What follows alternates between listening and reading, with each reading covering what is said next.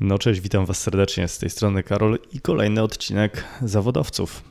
Tym razem moim i Waszym gościem będzie Wojtek Jurecki, człowiek, który od najmłodszych lat wiedział, czym chce się zajmować. Mianowicie klasyczną motoryzacją. Wyobraźcie sobie Warszawę, lata 70., szarzyznę i w sumie na ulicach Wartburgi, Syreny, Polonezy, duże Fiaty i chłopaka, który lata po Warszawie z aparatem fotograficznym i na czarno-białej kliszy wynajduje nietypowe auta, a potem szuka informacji o nich gdzieś w bibliotece, gdzieś w książkach, które udaje mu się znaleźć, albo w książce, którą za 25 dolarów wtedy kupuje mu jego tata, która okazuje się być encyklopedią samochodów. Spotkaliśmy się któregoś ciepłego wieczoru letniego w Warszawie. Wsiedliśmy do wypożyczonego od jednego z warszawskich kolekcjonerów Maserati Camzina i cóż, ruszyliśmy w drogę i zaczęliśmy jeździć tym przepięknym, starym, klasycznym coupé, czego możecie za chwilę posłuchać. Zapraszam Was serdecznie do wysłuchania tej rozmowy i cóż, do pokochania klasycznych samochodów. Sam tęsknię za nimi, ponieważ jakiś czas temu jeździłem klasyczną Alfą Romeo 75, której bardzo, ale to bardzo mi brakuje. Do usłyszenia.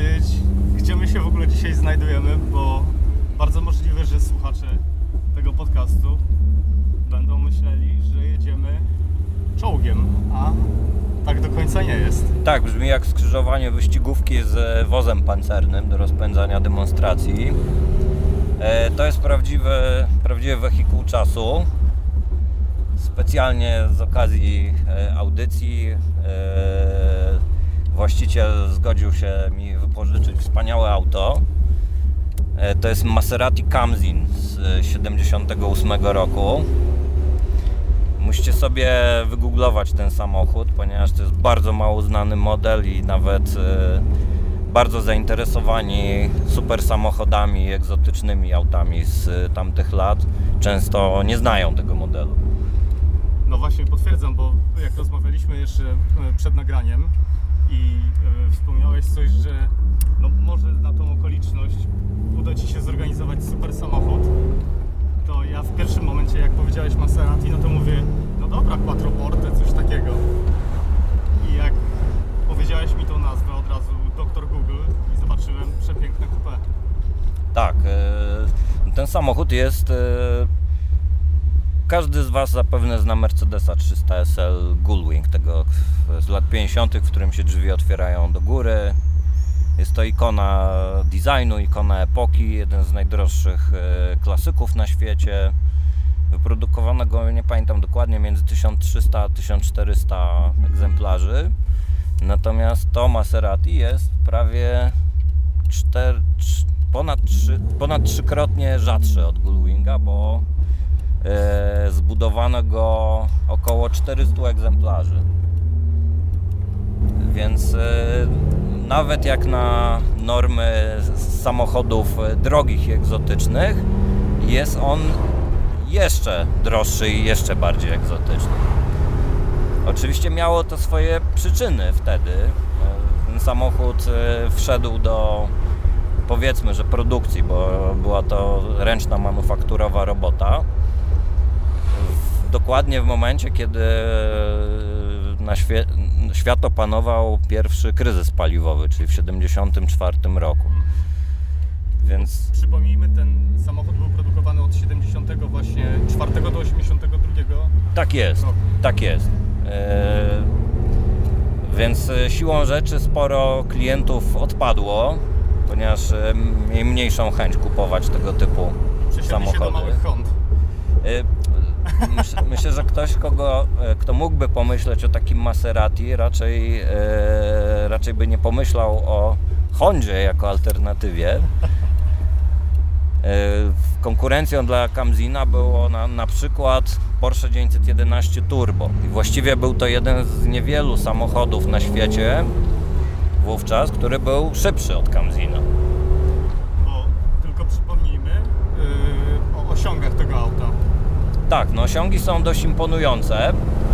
Eee, ma 330 koni, eee, a jego maksymalna prędkość to jest eee, prawie 300 na godzinę. I to miało miejsce 40 lat temu Tak jest. we Włoszech. Autorem nadwozia jest studio Bertone, prawda? Tak, to jest. Stylistyka tego samochodu jest absolutnie niepowtarzalna. E, nic, nic na świecie właściwie nie wygląda jak Kamzin. E,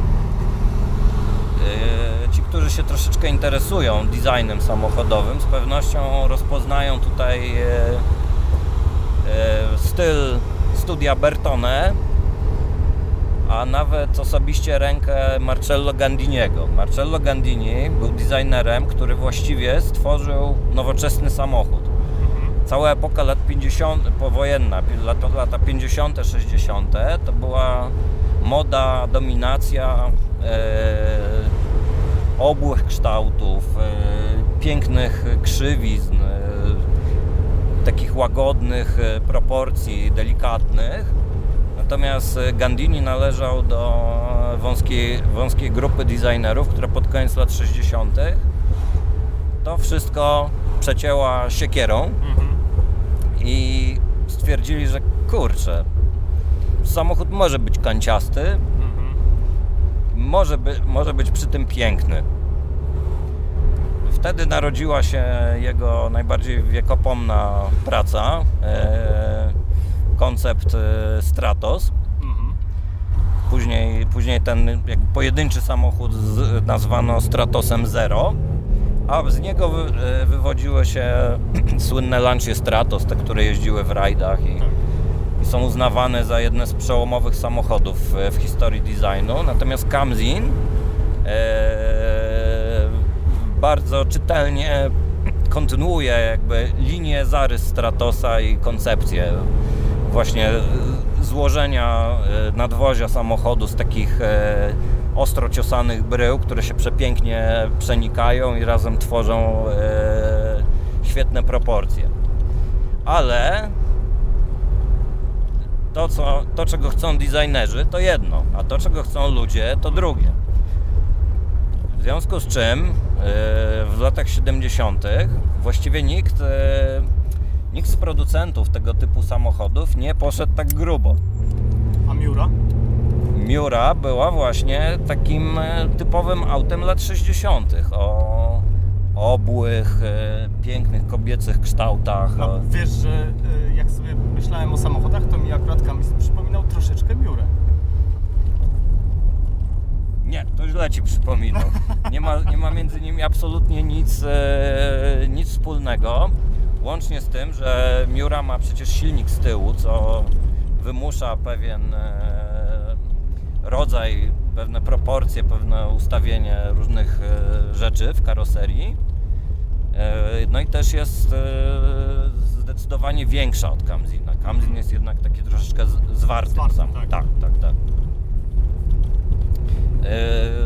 No ale to wiesz, subiektywne wrażenie laika. No tak, tak.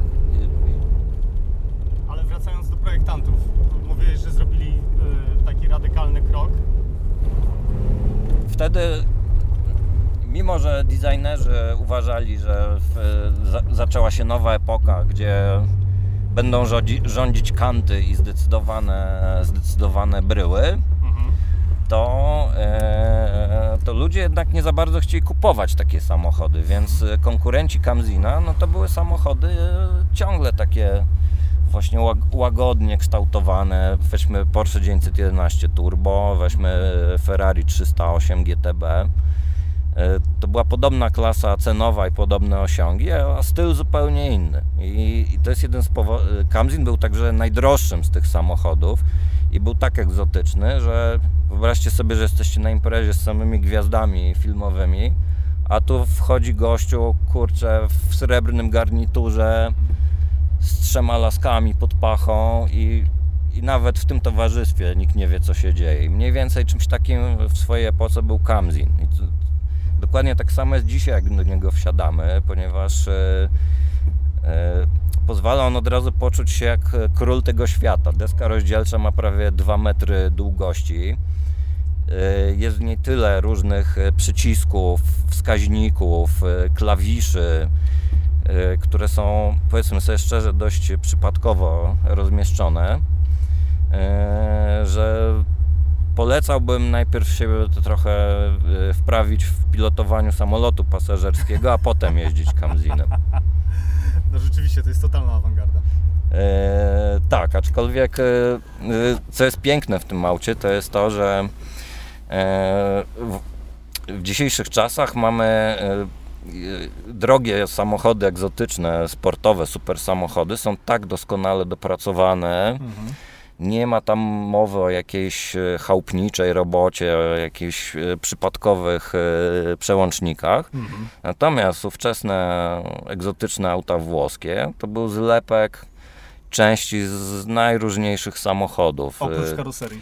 Oprócz karoserii, ale no już przecież Maserati nie wytwarzało samo przełączników, mhm. więc no brali je z najtańszego modelu Fiata na przykład. Żartujesz? No tak, sami robili na przykład, są jedne z najpiękniejszych wskaźników, uważam, w historii motoryzacji, mhm. e, obrotomierz, szybkościomierz, natomiast reszta wskaźników to już są w miarę typowe artykuły spółki mhm.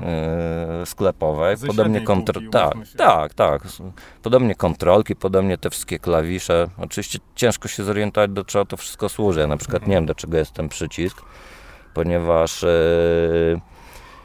w latach 70. dopiero weszły ujednolicone oznaczenia wszystkich rzeczy w samochodzie. Tak, a do, tej po, a do tej pory każdy producent sobie sam wymyślał i oznaczał jak chciał. Mhm. Więc tu jeszcze są jakieś ślady tego. To pewnie jest jakaś lampka, ale cholera wie, co to jest. Albo ogrzewanie może jakieś, wiesz, jakaś A może ogrzewanie. A tu jest żaróweczka. No. O, to są światła. To są o, nie wiedziałem, gdzie są. Albo to są chyba pozycyjne. Yy, na wprost? Tak, bo yy, A, drogowe są niebieskie. są niebieskie. Także ktoś, kto pierwszy raz wsiądzie i jeszcze nie miał do czynienia w ogóle z samochodami zabytkowymi, to w ogóle jest wrażenie, nie wiem co się dzieje. Nie odjadę przez najbliższe pół godziny.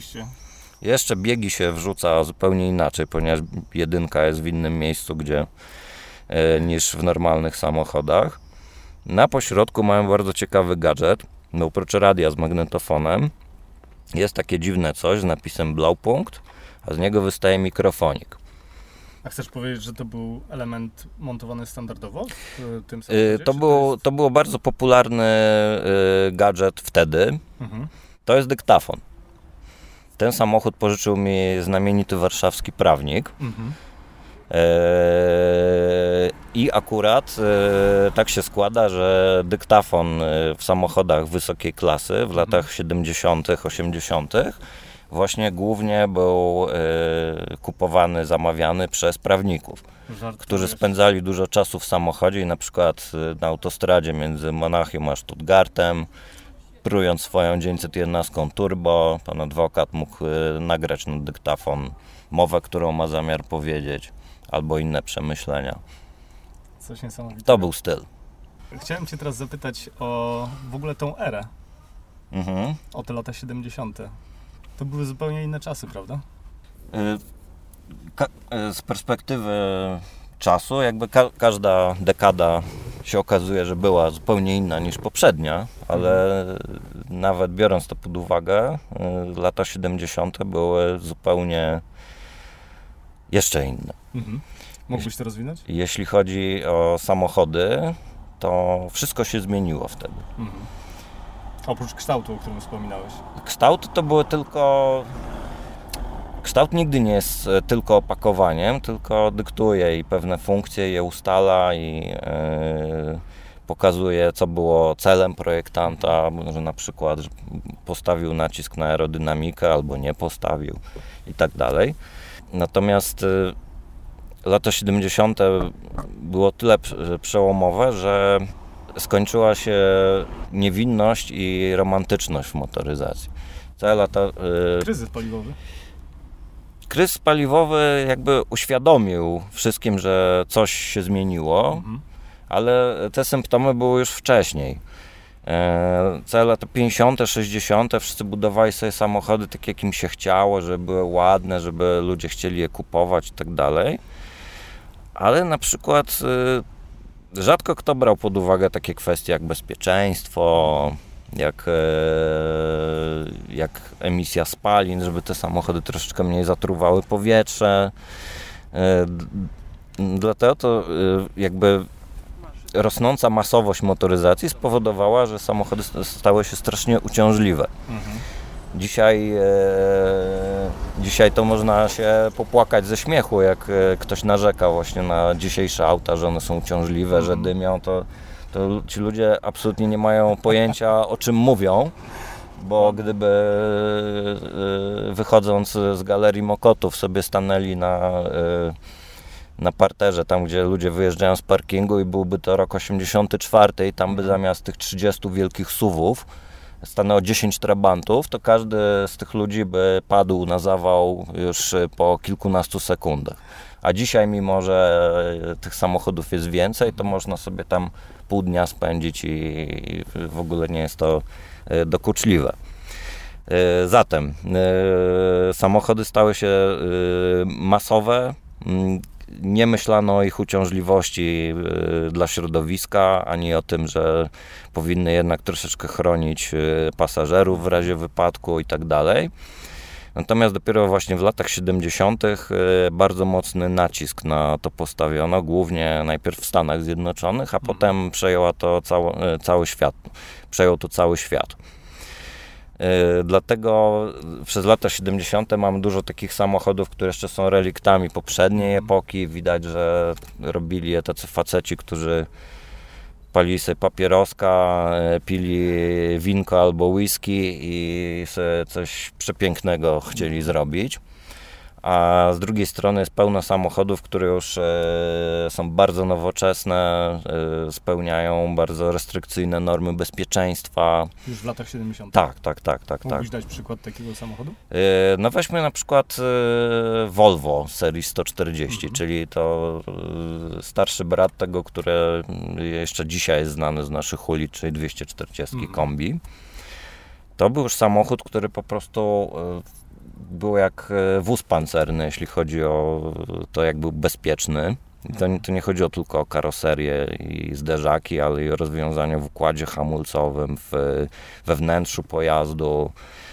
E, to, to, to mniej więcej wtedy mm, zniknęły z samochodów rzeczy takie jak, o, ten klawisz tutaj. Co to jest klawisz? To jest, chyba ustaliliśmy, że to są światła tak. pozycyjne. Tak. Zobacz, że on, e, on wystaje na jakieś 3 cm z deski rozdzielczej. No więc e, no stwierdzono w licznych testach zderzeniowych, że taki klawisz po prostu może cię poranić bądź nawet zabić. Wyeliminowano z samochodów e, tego typu klawisze, a weszły takie, gładkie i mhm. prawie prawie niewystające poza y, płaszczyznę deski. Mhm. Również nowością lat 70. było miękkie wyścielenie deski rozdzielczej, żeby chłonęła energię. Mhm. Natomiast y, Ale słuchaj, to tutaj chyba... tylko, że akurat w tym Maserati to tak, no jest to jest to miękkie wyścielenie, ale to jest ale takie pic jest... na wodę. No ale właśnie, słuchaj, to Maserati to nie był samochód dla, dla wielu. Nie był. Yy, on dzięki temu nie musiał wielu norm spełniać i mhm. też y, mieli poważny problem, żeby go sprzedawać na rynku amerykańskim, bo mhm. wielu z tych norm nie byli w stanie spełnić. ale trzeba jasno powiedzieć, że yy, właśnie kiedy tutaj popukamy w tą deskę rozdzielczą Mhm. obitą jakimś bardzo ekskluzywnym materiałem, to pod spodem czujemy, że to jest deseczka po prostu. I to jest właśnie piękne w tych włoskich samochodach, że yy, z jednej strony mamy przepiękną, wspaniałą technikę i design robiony przez najwybitniejszych yy, designerów świata. Wyważone auto. Tak, e, wspaniale się prowadzi, zaawansowane zawieszenie, silnik wywodzący się z wyścigowych Maserati jeszcze z lat Mhm. 50., który był tak dobry, że właściwie go przez 25 lat e, stosowali we wszystkich modelach, oczywiście z modyfikacjami. A z drugiej strony właśnie e, jakbyśmy zdjęli tutaj obicie z drzwi, to się okaże, że to jest jakaś ordynarna sklejka. E, ci, którzy jeździli maluchem e, do końca życia będą pamiętać kluczyk do stacyjki z taką czarną gumą. Żartujesz. Tu jest identyczny. Sorry, ale, nie, ale słaby bajer będzie, jak e, w barze rzucisz e, na stół kluczyki do tego Słuchajcie, samochodu. dla tych, którzy słuchają tego podcastu, chcę tylko powiedzieć, że trzymam właśnie w ręce kluczyk od Fiata, małego Fiata 126P, Tak jest. który odpala to Maserati. I Włosi absolutnie się nie przejmowali takimi szczegółami. E, No ale to jest to, o czym wspominałeś, o wskaźnikach, o przełącznikach, które są gdzieś... Tak, e, dzi- dzisiaj na przykład w Ferrari jest oddzielny facet, który projektuje kluczyki do, Mhm. do Ferrari e, i takie te breloczki, co to e, są zamiast, zamiast kluczyków. Ale Wojtek, nie wiem, czy się ze mną zgodzisz, ale e, fotele są pierwsza klasa. Tak, jedną z pierwszych rzeczy, która na mnie zrobiła wrażenie w tym aucie, to są te fotele, które już same w sobie wyglądają jak miliard lirów. To Obite czarną skórą, nie ma tutaj żadnej ekstrawagancji, jest taka I zobaczcie, to jest to e, takie połączenie. surowa prostota, a Mhm. jednocześnie są bardzo, bardzo wygodne i bardzo sportowe. No i skóra niesamowicie wysokiej Niesam- jakości. Niesamowita skóra. Zobacz, po 40 latach ona na dobrą sprawę Tak, nie ma tak, żadnych tak, tak, znamion tak. No i zobacz, że to jest takie połączenie ultra wysokiej jakości, jeżeli chodzi z o... chałupniczą, z chałupniczą robotą, taką nawet w niektórych przypadkach można podejrzewać, że yy, nietrzeźwość też wchodziła w grę podczas pracy. Więc w dzisiejszych samochodach tego nie ma po prostu. No nie ma. Jeśli e, wciskają nam lipę i kit i coś od taniego auta, to bardzo zręcznie jest to ukrywane, a tak jak wspomniałem, na przykład w Ferrari jest specjalny facet, od projektuje kluczyki, żeby taki brelok jak się położy na stole, no to Jak Wszyscy pod ten stół- tą motoryzację starą? e, ci, którzy ją spró- jej spróbują, zaczynają rozumieć, nawet jeśli e, nie potrafią tego e, wyjaśnić, określić jakoś słowami. Jest po prostu, to jest taka magia i to tak wciąga, że najpierw nie wiesz dlaczego, ale ci się to podoba. I to, że ten samochód hałasuje, ryczy, nawet yy, podśmiarduje tymi spalinami, że wiesz, że on nie jest taki super bezpieczny jak, yy, jak, współczesne, jak współczesne samochody. O tym, o tym wszystkim się zapomina i zostaje tylko ta magia, którą każdemu yy, serdecznie polecam, ponieważ yy, to obcowanie z takim samochodem rozwija pod każdym względem. Samochody zabytkowe dotykają nie, nie bardzo dużo różnych dziedzin, łącznie ze sztuką Mhm. i na przykład z rynkami finansowymi, ponieważ od paru lat y, y, bardzo zamęczanym w mediach tematem stało się inwestowanie w klasyki i szczerze mówiąc to y, przyczyniło się to do tego, że już nie jest to tak dobry obiekt inwestycyjny jak był. Mhm. Mowa o oldtimerze. Także y, jeśli, jeśli tego spróbujecie, sami będziecie zasko- zaskoczeni, e, jak wiele różnych dróg do poz- poznawania samego samochodu i jak wiele dróg do poznawania innych rzeczy to otworzy. Choćby połączenia samochodów z kulturą, modą danej epoki, z, ze sławnymi osobami. Jest jakaś taka anegdota albo historia związana z tym samochodem? nie, nie natrafiłem. Ten samochód był dość taki mm, powiedzmy, że mimo, że go długo robili, to on jakoś nie, szczególnie nie zaistniał w ogóle na świecie. Dlatego nie ma w sobie takiej kultowości jak wiele innych modeli Lamborghini czy Ferrari.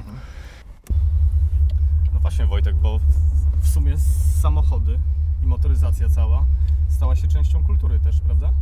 Tak, jak najbardziej. E, też na bardzo wielu płaszczyznach, z których może na taką najprostszą jest to, że na przykład jak samochody w filmach, w kinie zawsze występowały i były w różny spo, e, dziwny sposób pokazywane przez filmowców, ale również na bardzo wiele innych sposobów. No, uczestniczyły w ważnych wydarzeniach e, historycznych, nieraz były bardzo ważnymi częściami tych wydarzeń, a nade wszystko y, dopóki świat się nie zglobalizował tak jak mamy dzisiaj, chociaż dzisiaj też to nie zanikło jeszcze, y, samochody z danego kraju bardzo właściwie odzwierciedlały kulturę tego kraju i charakter, styl życia ludzi. Nie chodzi tylko o potrzeby klientów, czyli tych kupujących, ale ci, ci, tych, którzy tworzyli samochody. Na przykład to Maserati jest absolutnie 200% rasowym włoskim samochodem. Właśnie całe to połączenie fantastycznego designu z, e, i e, techniki jak wziętej z wyścigowego samochodu z doprawdy nędzną elektryką E, tymi otwieranymi światłami, które działają jak chcą i że jedno się podnosi, a drugie nie za bardzo, więc trzeba tu popukać w, w klawisz uruchamiający światła i wtedy, wtedy to drugie światło się podniesie. I z, z tą właśnie całą piękną, ale jednak chałupniczą robotą. Dzisiaj to nie wchodzi w grę, wszystko jest premium, tak dopracowane, że po prostu yy, często ludzie, którzy dzisiaj ludzie, którzy wsiadają do takich dawnych samochodów, to się dziwią, że ktoś to chciał kupować, bo to było takie powiedzmy nie do, nie, nieidealne. Tak, a właśnie ta nieidealność jest e, jedną z najpiękniejszych rzeczy właśnie we włoskich samochodach. E, podobnie jak e, te psujące się światła i to, że potrafią mieć kaprysy, żeby odpalić, że nierówno chodzą. Kobiety są kapryśne, a mało jest tak kobiecy, tak samochodów, które tak, tak zręcznie można porównać do kobiet, jak właśnie włoskie samochody. Ale to ciekawe co mówisz, bo yy, też wiem, że jesteś z wykształcenia antropologiem, prawda? Tak, to spowodowało, że w, jakby zainteresowałem się samochodami w, troszkę inny sposób niż e, to było i do dzisiaj właściwie jest przyjęte. Cześć dziewczyny. właśnie interesował mnie ten e, czynnik e, ludzki, ludzie, którzy to tworzą i dlaczego te samochody powstawały tak, a nie inaczej. A który kraj pod względem motoryzacyjnym jest dla Ciebie najciekawszy? Każdy z, tych, każdy z krajów, które w jakiś sposób były znaczące w historii motoryzacji jest, jest ciekawy. To nie jest tak, że na przykład o, niemieckie samochody to są nudne. No dobra, może faktycznie jak się wsiądzie do Golfa 4, no to jedyne na co się ma ochotę to yy, pojechać po sznurek, żeby się na nim powiesić. Widok deski rozdzielczej działa mocno depresyjnie, ale to nie jest do końca tak, że niemiecka motoryzacja jest nudna. Oni zawsze robili wspaniałe rzeczy, E, tylko że e, byli ludźmi pozbawionymi poczucia humoru, w związku z czym skupiali się na tym, żeby e, po prostu zrobić doskonałe auto. Bez, bez żadnych bez żadnych finezja była w technice, finezja była tak ukryta, że nie wiedzieliśmy, że mamy z nią do czynienia. Tym co Tym, o czym wiedzieliśmy, było to, że ten samochód po prostu wspaniale jeździ. Ale ten włoski samochód też wspaniale jeździ. Tak, ale z pewnością, gdybyśmy porównali go na przykład z jakimś dawnym Mercedesem pod względem e, takich rzeczy jak wyciszenie, jak e, łatwość, e, łatwość prowadzenia, obsługi, e, pod tymi wieloma względami by Maserati by przegrało z takim Mercedesem. Właśnie dlatego, że troszeczkę inna filozofia była budowania tych aut. Tak samo ciekawa jest motoryzacja amerykańska. Tym, co widzimy, są przepyszne, bardzo atrakcyjne kształty karoserii, wielkie silniki i te wszystkie banały, które zawsze o amerykańskich samochodach słyszymy. O, muscle car, e, V8.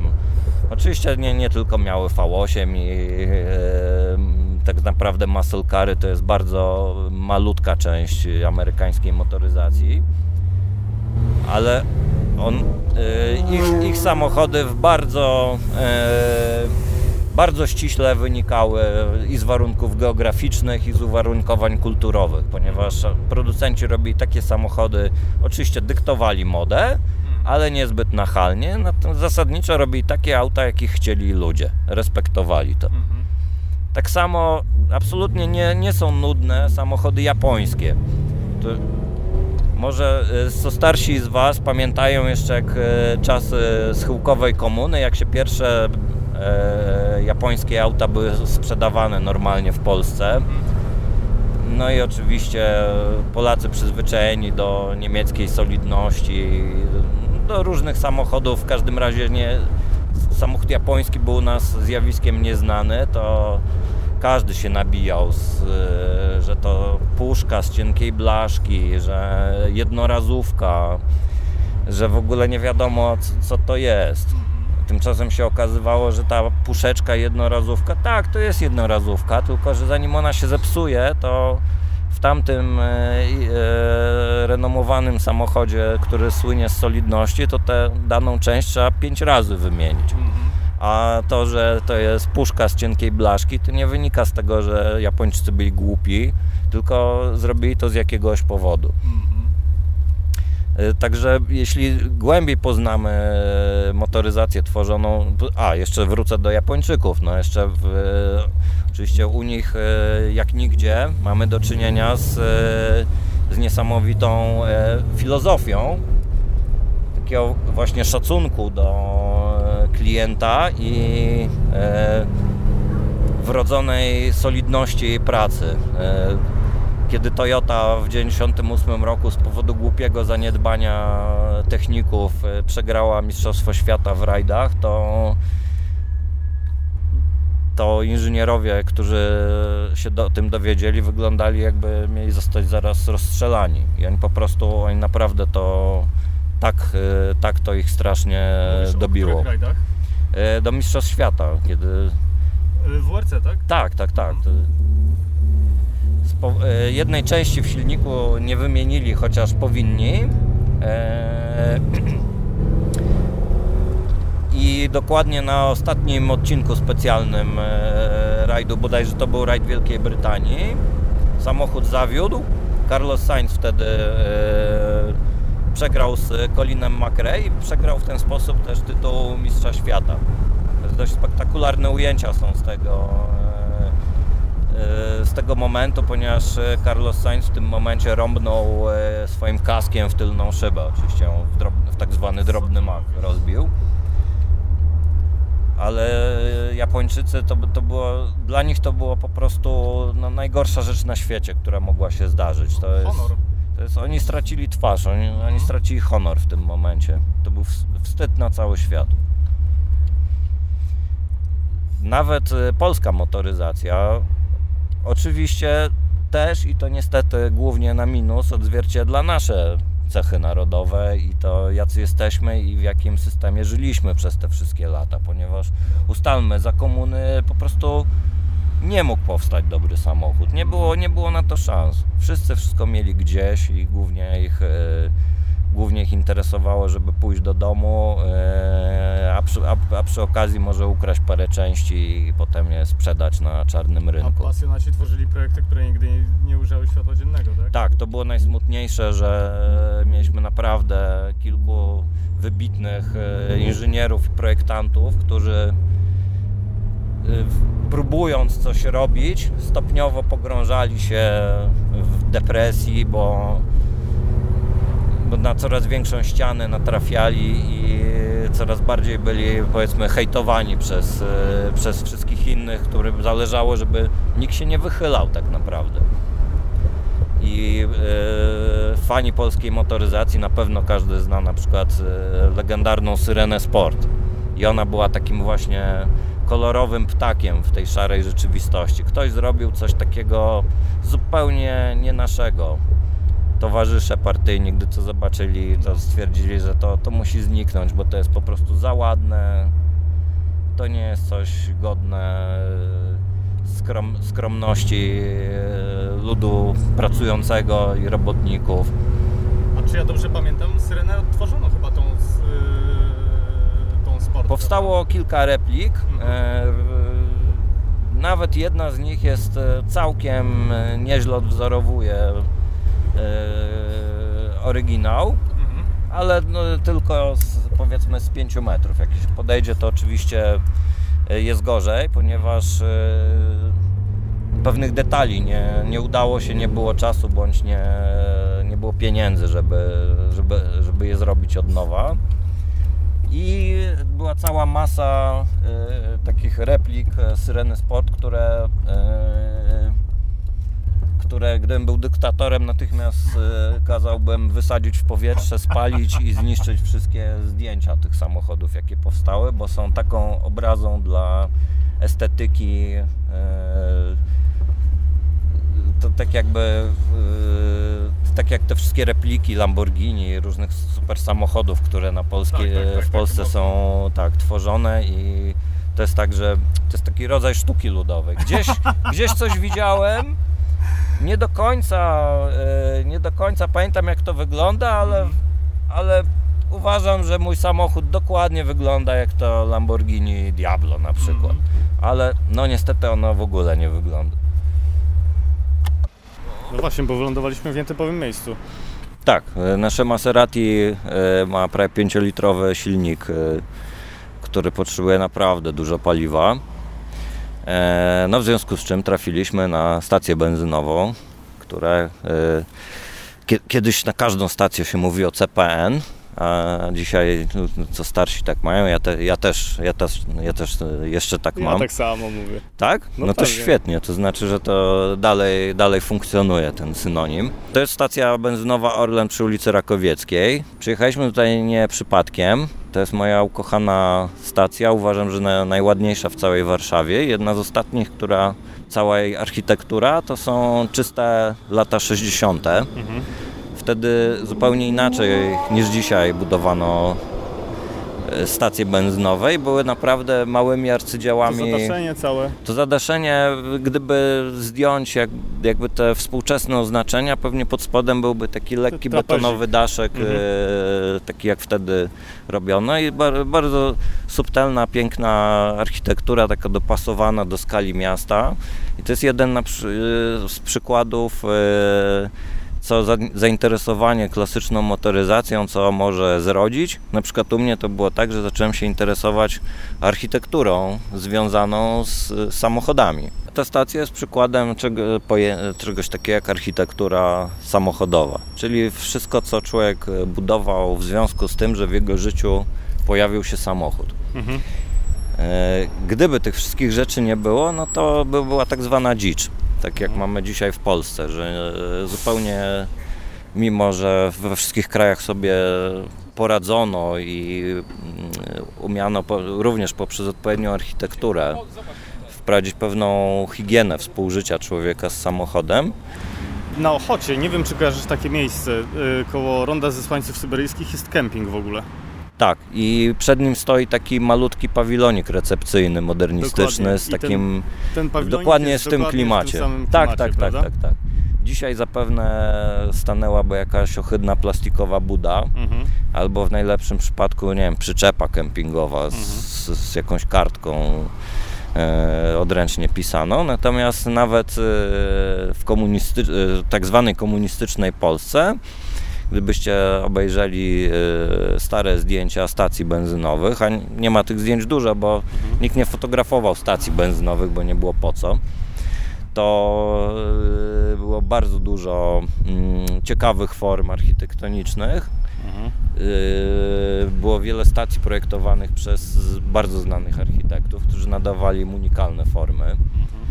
Niestety bardzo mało z nich do dzisiaj istnieje, ale na przykład gdybyście jechali na zachód Polski, to pod Wrocławiem. Wrocław. Tak, e, w stacje... Bielanach Wrocławskich. Mają naprzeciwko siebie są e, dwie przedwojenne stacje benzynowe, które są powstały równo z tą drogą, czyli e, w 1936 mhm. roku. No i no każdy, kto je zobaczy, przyzna, że one są po mhm. prostu piękne. Co ciekawe, one są. Jestem wrocławianinem. No właśnie w waszych e, rejonach jest bardzo dużo tego typu pozostałości, tylko nieraz, e, nieraz trudno je zauważyć, ponieważ dobra architektura tak się dobrze wpisywała, że przechodziliśmy koło niej nie, nie, nie notując. Podobna stacja e, na ulicy Legnickiej, wylot, czyli wylot na, z Wrocławia na Olesińce. Wojtek, tym samochodem chyba jeździ się zupełnie inaczej niż, niż każdym, który jest obecnie do kupienia. E, tak, dzisiaj w dzisiejszych czasach jeżdżenie e, super samochodami, wszystkim co ma jakieś miliardy koni mechanicznych i przyspiesza do setki w, w, jednej, w 5 milisekund. Mhm. E, jeżdżenie nimi się stało po prostu tak proste i łatwe, że aż głupie. Mhm. Owszem, są szybkie, bardzo szybkie, natomiast nie, nie jest to już męska przygoda, ustalmy. E, jeśli chcecie być prawdziwymi facetami, e, wsiądźcie w takie Maserati, choćby, choćby z lat 70., a najlepiej e, w jakiś samochód, który ma więcej niż 200 koni, a jest z lat 60. i wtedy dopiero Pokażcie, wtedy, wtedy można się lansować. Ktoś, kto potrafi jeździć na przykład szybko, na przykład Jaguarem E-Type, no to mhm. to są dopiero umiejętności. E, te, akurat ten samochód, którym dzisiaj, e, dzisiaj podróżujemy, on z jednej strony jest bardzo dojrzały technicznie i taki świetnie skonstruowany, ma zawieszenie jak w samochodzie wyścigowym, ma bardzo duży silnik V8 o dużej mocy, ale yy, no ma pewne takie yy, pewne szczegóły konstrukcji sprawiają, że dość trudno się nim jeździ.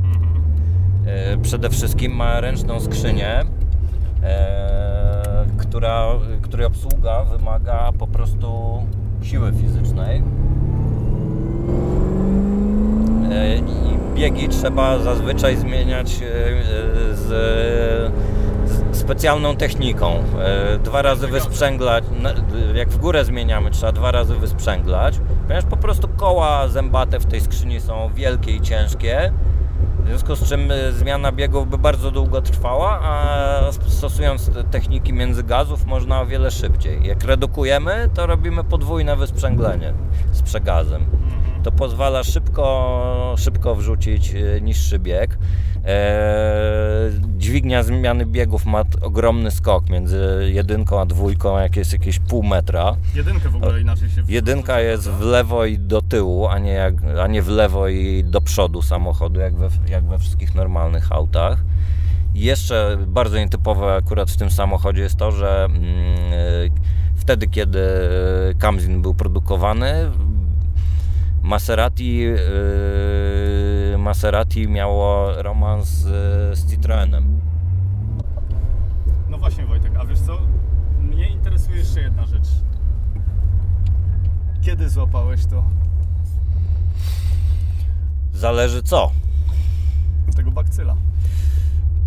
Mm, należy do tych szczęśliwców, i jednocześnie nieszczęśliwców, którzy swoją pasję mogli e, przekuć również w pracę. to ma swoje dobre strony i złe strony, a wszystko zaczęło się od zupełnie naturalnego jeszcze w moich czasach. Ja taki moja świadoma, świadomy okres pacholęctwa przypadał na początek lat 80. I wtedy absolutnie naturalne było, że każdy się po prostu interesował samochodami, motocyklami, wszelkimi pojazdami. Po prostu nie było nawet nie to, że nie było, ale no do dzisiaj można powiedzieć, że nie, ma ciekawszych urządzeń na świecie technicznych niż, niż samochody. No okej, okay, są rakiety kosmiczne, samoloty, ale z tego, co, z czym możemy mieć styczność, to są głównie samochody. Jeszcze w, w, w dawniejszych czasach, no to zasadniczo samochód miał ogromne znaczenie w Polsce. Był yy, jedynym takim y, małym wycinkiem wolności w, w naszym kraju. Różnych rzeczy nam zabraniano na różne sposoby, ale można było mieć samochody i każdy się bardzo mm, pilnie jakby spełniał w tej dziedzinie. Mhm. Wszyscy Polacy się interesowali samochodami, było to... To chyba czymś... do tej pory, wiesz, każdy Polak mężczyzna jest specjalistą od motoryzacji. W ostatnich latach obserwuję, że coraz więcej jest, zwłaszcza z młodszych pokoleń, ludzi, których w ogóle samochody nie interesują. Trochę im się nie dziwię, bo dzisiejsze samochody są, są tak, tak potwornie nudne, jak flaki z olejem. No, no, O czym tu można rozmawiać? No, przepraszam, no jeśli już... No, Niektórzy producenci nawet nie podają, jakiej wielkości jest silnik, bo, bo to mogłoby e, kogoś urazić na przykład. Naprawdę, naprawdę nie ma, jeśli chodzi o takie zwykłe samochody, to naprawdę nie ma o czym rozmawiać. Każdy zwykły samochód z lat 70., 80., nawet 90. był o wiele, wiele fajniejszy i ciekawszy. I to jest też powód, dla którego dzisiaj y, mamy duży sentyment. Nie tylko dlatego, że jak byliśmy mali, to nimi jeździliśmy, ale też one obiektywnie po prostu nam więcej y, emocji dostarczają i pozytywnych odczuć.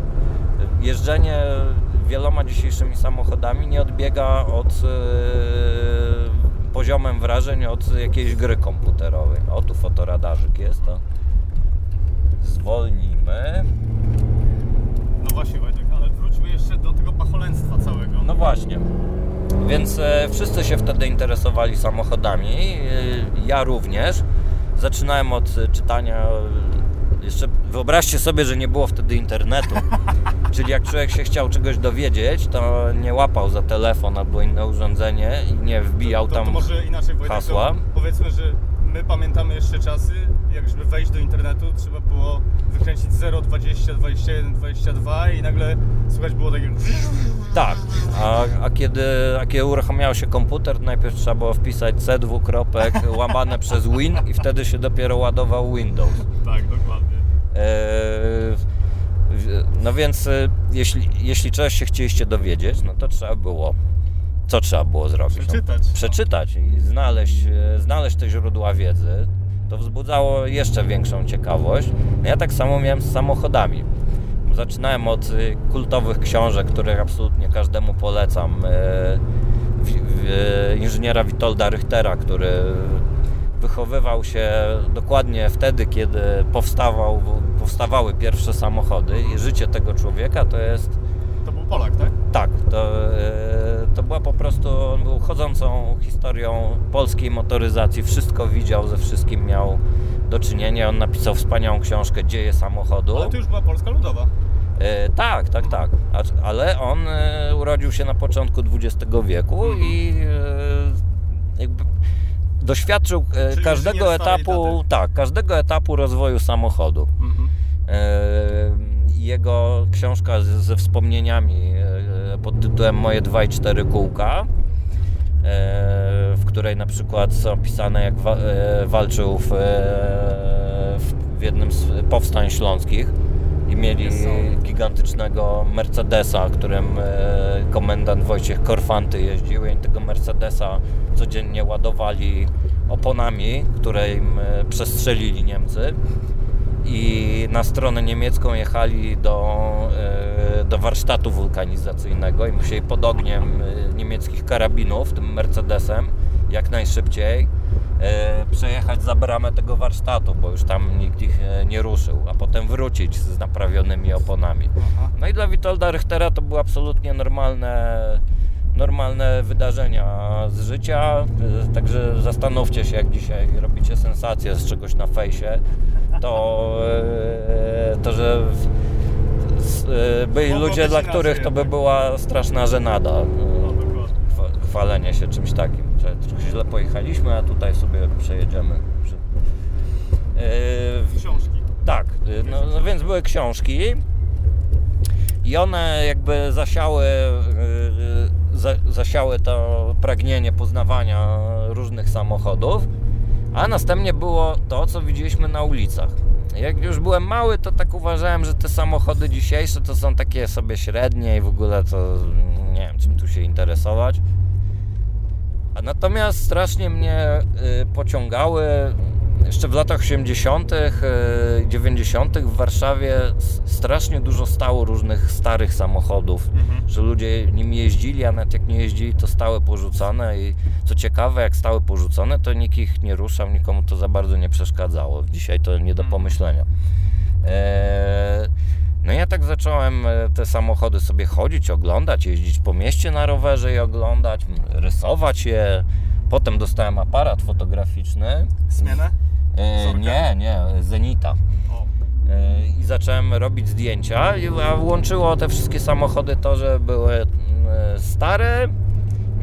Zazwyczaj nie wiedziałem, co to jest, i później musiałem szukać jakiejś literatury, żeby się dowiedzieć, co, co ja widziałem tak naprawdę. I szukałeś gdzie? W bibliotece? Czy w Instytucie Motoryzacji gdzieś? E, no były, mia, miałem już kilka książek. E, kupowałem sobie też jakieś jeden, jedno pismo niemieckie, w które miało jakiś duży dział historyczny. No i nie było czegoś takiego, że natychmiast e, da się dowiedzieć na dowolny temat. Czasem trzeba było cierpliwości, poczekać aż jakieś źródło samo wpadnie w, ręk, w ręce. Mhm. ta, jak byłem mały, tata mi kupił, właśnie podjeżdżamy pod Pałac Kultury tutaj właśnie byliśmy z ojcem na targach książki i mi kupił taką przepiękną niemiecką encyklopedię samochodów yy, powojennych za jakąś w ogóle jakąś niemożliwą kupę kasy. Mhm. Typu yy, to było jakiegoś szwajcarskiego wydawnictwa, do dzisiaj mam zresztą tę książkę i ona kosztowała bodajże 25 dolarów, a wtedy według yy, oficjalnego kursu dolara to mniej więcej tyle wynosiła pensja średnia. Także. No, Twój tata chyba wyczuł Twoją pasję. Y, nie miał szans, to ja, ja zrobiłem taką histerię, że chcę mieć tę książkę i do dzisiaj nie żałuję zresztą tej histerii. Mhm. No i to mi dało y, możliwość dowiedzenia się ciekawych rzeczy o różnych, różnych samochodach. No i tak już kurczę jakoś zostałem z tymi, e, z tą pasją, że w, głównie te dawne samochody są ciekawe pod różnymi względami. I po latach, e, po latach udało mi się e, GT Classic. I tam jakby zdobyłem pierwsze szlify, jak w ogóle się wymyśla takie czasopismo o klasykach i jakie robić, żeby było ciekawe. Mhm. No i później, kiedy wydawca stwierdził, że już nie chce chce w to pakować pieniędzy. Widocznie nie widział w tym potencjału, a szkoda, bo potencjał był. Eee, założyliśmy w kilka osób e, następny tytuł, po prostu, żeby ta cała praca i zgromadzone kontakty i know-how się nie zmarnowało. Było to Classic Auto, które, którego byłem naczelnym przez 11 e, lat. I od niedawna już nie jestem, gdyż postanowiłem, postanowiłem pójść e, własną drogą, je, jeszcze inną, ale też związaną z samochodami klasycznymi. To pierwsza część tej rozmowy za jakiś czas, a dokładnie za jakieś dwa tygodnie, usłyszycie drugą część rozmowy z Wojtkiem Jureckim. Pozdrawiam Was serdecznie, wszystkiego dobrego.